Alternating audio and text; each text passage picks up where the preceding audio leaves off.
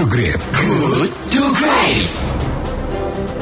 Terima kasih Anda masih bersama kami di Good to Great because good is the enemy of great. Kini saatnya saya mengajak Anda untuk mengikuti diskusi. Pagi ini kita akan membahas topik tentang bagaimana menjaga optimisme di tengah tekanan ketidakpastian ekonomi dan ancaman resesi global.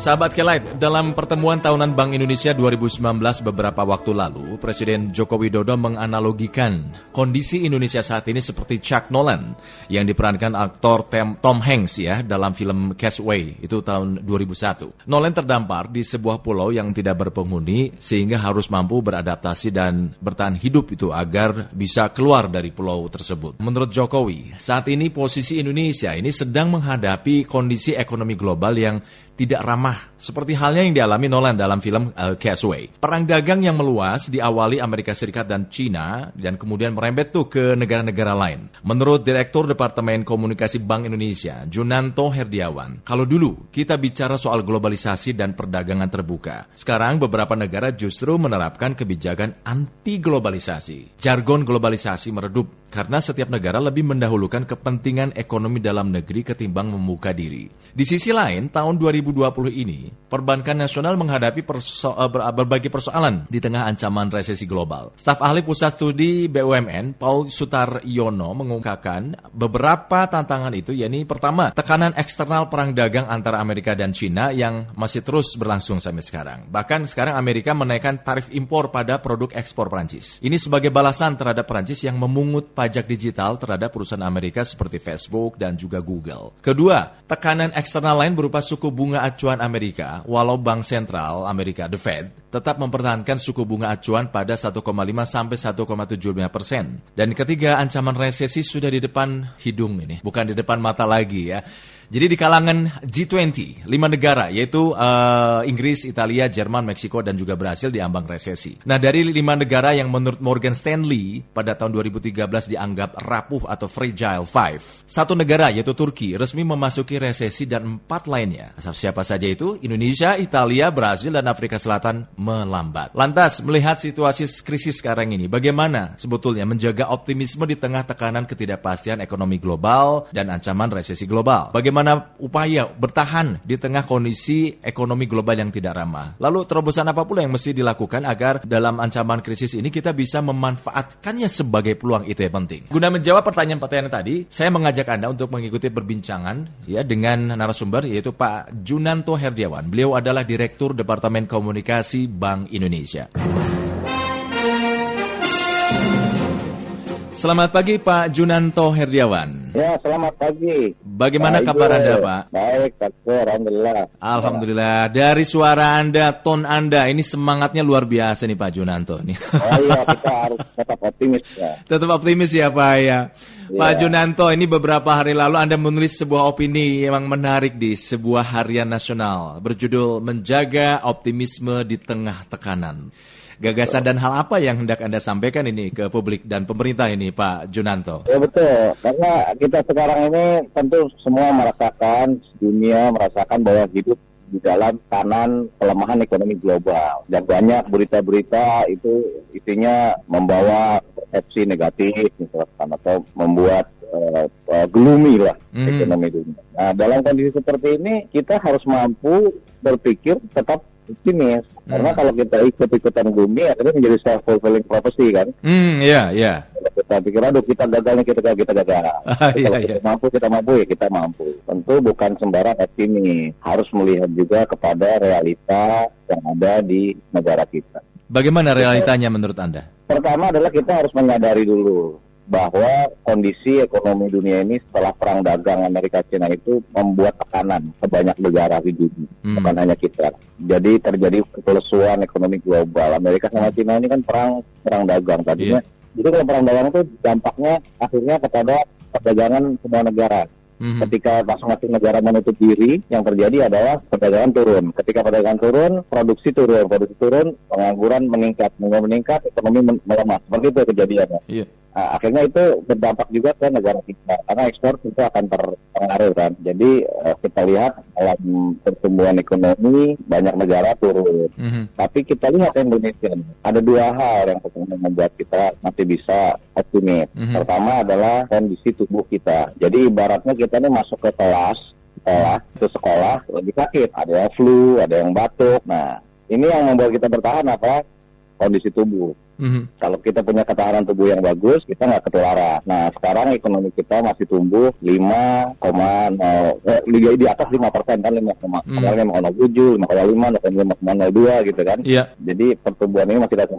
Yang mana ini adalah bagus di tengah kondisi seperti ini. Hmm. Artinya kita masih mampu tumbuh. Kedua, inflasi kita, inflasi ini adalah harga-harga nih. Iya. Kemarin selama 2019 2,72. Ini terendah sepanjang 20 tahun. Artinya Hmm. Memang eh, kestabilan harga ini terjaga di dalam negeri, tidak Hmm. terjadi gejolak yang membuat resah. Mhm. Itu indikator-indikator makro yang menunjukkan bahwa kita punya ketahanan. Hmm. Kedua, yang kita optimis adalah respon kebijakan dari pemerintah, otoritas, Bank Indonesia. Ini kita bukan hanya diam, juga Iya. melakukan respon kebijakan. Pemerintah terus melakukan mendorong investasi, kemudian Bank Indonesia dengan bauran kebijakannya menjaga stabilitas inflasi, nilai tukar, dan Mhm. juga stabilitas keuangan. Jadi ini saya rasa dua hal yang bisa dapat membuat kita tetap optimis. Pak, ini kan memang pemerintah mendorong untuk investasi ya, Pak. Lalu bagaimana dengan dukungan regulasi agar investasi yang masuk ke Indonesia ini bisa meningkat? Tentunya kita menyadari bahwa dalam kondisi seperti ini investasi tentunya kan eh, banyak berpindah nih dari negara-negara itu. Tentu kita harus membuat ini men- lebih menarik dalam negeri. Tentu kita eh, usulan omnibus law dari pemerintah itu perlu kita dukung. Mhm. Eh, karena itu akan mempermudah proses investasi di dalam negeri. Tapi seperti kasusnya, eh seperti kasusnya SOW tadi yang disampaikan, Mhm. Jack Nolan itu di film itu, ada tiga hal tuh Mhm. yang dia lakukan untuk mampu bertahan hidup. Pertama dia harus mampu mengatasi kesulitan. Jadi begitu dia terdampar di tengah laut, tidak ada apa-apa, dia harus mampu mencari ke, ke, ke- mana- bagaimana menja- mengatasi kesulitan itu. Nah, itu tadi dengan respon-respon kebijakan. Nah, kedua dia harus mencari sumber daya baru untuk menunjang kehidupannya. Karena kalau dia cuma bertahan hidup nggak ada sumber daya baru, lama-lama nggak kuat juga. Hmm, Iya. Jadi dia cari temen lah, bola voli, dia carilah ke- kelapa, dia cari gimana ikan di laut gitu. Iya. Jadi dia mencari sumber daya baru. Nah, di sinilah transformasi ekonomi menjadi penting. Mhm. Kita ekonomi kita kan selama ini mengandalkan pada ekspor bahan baku, bahan mentah sumber daya alam. Itu karakter ekonomi kita. Kalau bahan baku lagi bagus harganya, eh, pada waktu 2012-2013 batu bara naik, nah, itu kita pasti booming ekonomi. Mhm. Tapi ada saatnya harga-harga turun, ekonomi lesu. Nah saat ini kita harus punya sumber daya baru. Apa? Nah, Hmm. sekarang kita harus memperkuat manufaktur, Iya. otomotif, atau eh, garmen, elektronik, industri makanan. Mhm. Dan yang jelas sekarang pemerintah dorong itu adalah pariwisata dengan 10 Bali baru itu. Cara itu paling baik dan paling cepat mendatangkan devisa kalau dilakukan dengan baik. Hmm, ya, ya. Karena apa? Turis datang, devisa datang itu akan membawa banyak eh, dana dari luar negeri untuk mendorong ekonomi di Indonesia Mhm. Ya, dan ya. tentu UMKM. Mhm. Jadi itu tadi selain investasi juga kita harus punya sumber-sumber pertumbuhan ekonomi baru. Hmm. Melihat dari kondisi yang dilakukan sekarang ini oleh pemerintah, eh, berarti Anda cukup yakin ya, optimis eh, kita mampu bertahan hidup di tengah tekanan dan kondisi perekonomian global yang lagi memburuk sekarang ini, Pak Junanto.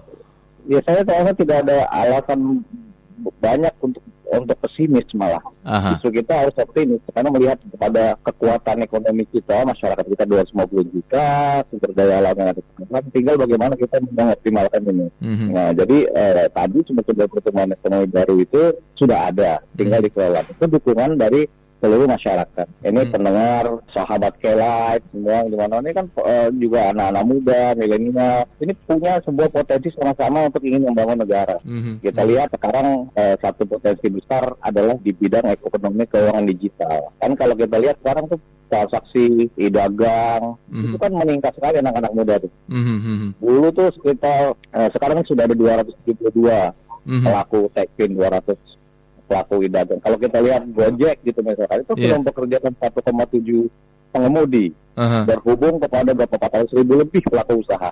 Nah Iya. ini membuka lapangan usaha. Hmm. Kita lihat kayak Bukalapak misalkan terhubung lebih dari 700 ribu pelaku usaha. Dia punya 500 ribu warung di seluruh Indonesia. Mhm, mhm. Kalau ada Tokopedia, kemitraannya aja udah 5 juta. Mhm. Artinya potensinya ini besar dari ekonomi digital. Dan Ah. anak muda ini kan memang sangat kreatif bisa. Ah. Jadi ini perlu kita dorong ekonomi eh, kreatif dan ekonomi digital. Eh, hubungannya dengan tadi eh, ekonomi digital ya, teknologi pengadopsian teknologi baru ini eh, bisa berpotensi ya meningkatkan pertumbuhan ekonomi, eh, Pak Junanto. Oh iya tentu, tentu Hmm. karena begitu ke sese eh, orang atau satu unit usaha terkoneksi kepada ekonomi digital, Hmm. eh, dia akan menambah kapasitasnya kan misalkan. Mhm. Eh, kalau dulu belum eh, terkoneksi digital, maksudnya penjualan hanya 20-30. Begitu dia terkoneksi dengan ekonomi digital, penjualan bisa meningkat, produksinya bisa meningkat. Itu satu contoh. Mhm. Terus pembayaran juga sekarang kan jadi lebih mudah. Mhm. Dengan pembayaran digital, sekarang Bank Indonesia per 1 Januari sudah menerapkan standar QR. Iya. Jadi QR tuh yang dibayar pakai handphone tuh yang ditempel, quick respon. yang ada barcode itu. Mhm. Nah, itu kan dulu banyak tuh. Iya. Misalkan waktu itu link aja ada, Mhm. GoPay ada. Dan sekarang kan bikin jadi satu. Artinya Iya. lebih murah, lebih mudah, lebih efisien. Mhm. Mhm. Jadi Mhm. kalau pedagang apa misalnya cilor atau nasi goreng Mhm. Mhm. di gerobaknya sudah pasang itu, Hmm. dengan mudah dia menerima pembayaran. Mhm. Mhm. Iya. omsetnya bisa lebih cepat. Hmm. Karena anak-anak sekarang kan ke mana-mana yang bawa mobile kan, kan, Iya, iya, betul. bayar tinggal tempel aja, Mhm. lebih mudah. Mhm. Nah ini ekonomi digital ini membuka ruang-ruang baru, Mhm. membuka kreatif baru. Mhm. Dan kita sekarang masih punya potensi besar. Kenapa? Karena m- bangsa Indonesia ini masyarakat Indonesia ini baru 49 persen dari total penduduk dewasa yang punya rekening bank. Iya. Terus akses pembiayaan itu ada 62,9 juta UMKM juga masih terbatas, masih banyak ruang. gitu kan. Iya. Jadi ini satu hal yang kita bisa dorong ke depan, bagaimana ekonomi digital bisa mendorong ekonomi. Baik, baik. Pak Junanto, terima kasih atas eh, pendapat Anda, pandangan Anda pagi ini di eh, Good to Great. Semoga sukses Pak Junanto, selamat beraktivitas. Baik, baik sahabat Kilat dan Mas Ijul, terima kasih banyak. Semoga tetap semangat. Amin, amin, amin. Terima kasih, selamat pagi Pak Junanto. Selamat pagi. Ya, demikian sahabat Kelet Pak Junanto Herdiawan. Beliau adalah Direktur Departemen Komunikasi Bank Indonesia. Jadi ada beberapa hal yang bisa kita ambil dari eh, diskusi dengan Pak Junanto ketika bicara soal bagaimana kita bisa mempertahankan di tengah keterpurukan ekonomi global. Jadi eko- kondisi ekonomi dunia ini membuat tekanan ya tekanan keluasan ekonomi eh, keluasan ekonomi global ini karena memang terjadinya awal perang dagang Amerika dengan Cina sehingga banyak eh, pertumbuhan banyak negara ini turun gitu. Ada dua hal yang, membuat optimis seharusnya di kita yaitu pertama kondisi ketahanan ekonomi masih tumbuh di atas 5% dan ini cukup bagus. Inflasi tahun lalu 2,72 merupakan indikator makro yang mempunyai ketahanan belum lagi respon pemerintah uh, untuk membuka investasi sebesar-besarnya. Dan tadi satu hal yang terakhir yang disampaikan oleh Pak Junanto adalah transformasi ekonomi. Bagaimana kita bisa memanfaatkan ekonomi digital. Dan sahabat Highlight, seperti biasa, tanggung jawab kita sebagai civil society atas persoalan ini. Kami mengundang Anda untuk ikut urun rembuk, berbagi pandangan, bertukar pikiran. Menurut Anda, bagaimana menjaga optimisme di tengah tekanan ketidakpastian ekonomi dan ancaman resesi global? Saya undang Anda untuk menyampaikan pandangan Anda melalui WhatsApp Radio Kelight 0812 203 1972. Good to Great. Good to Great.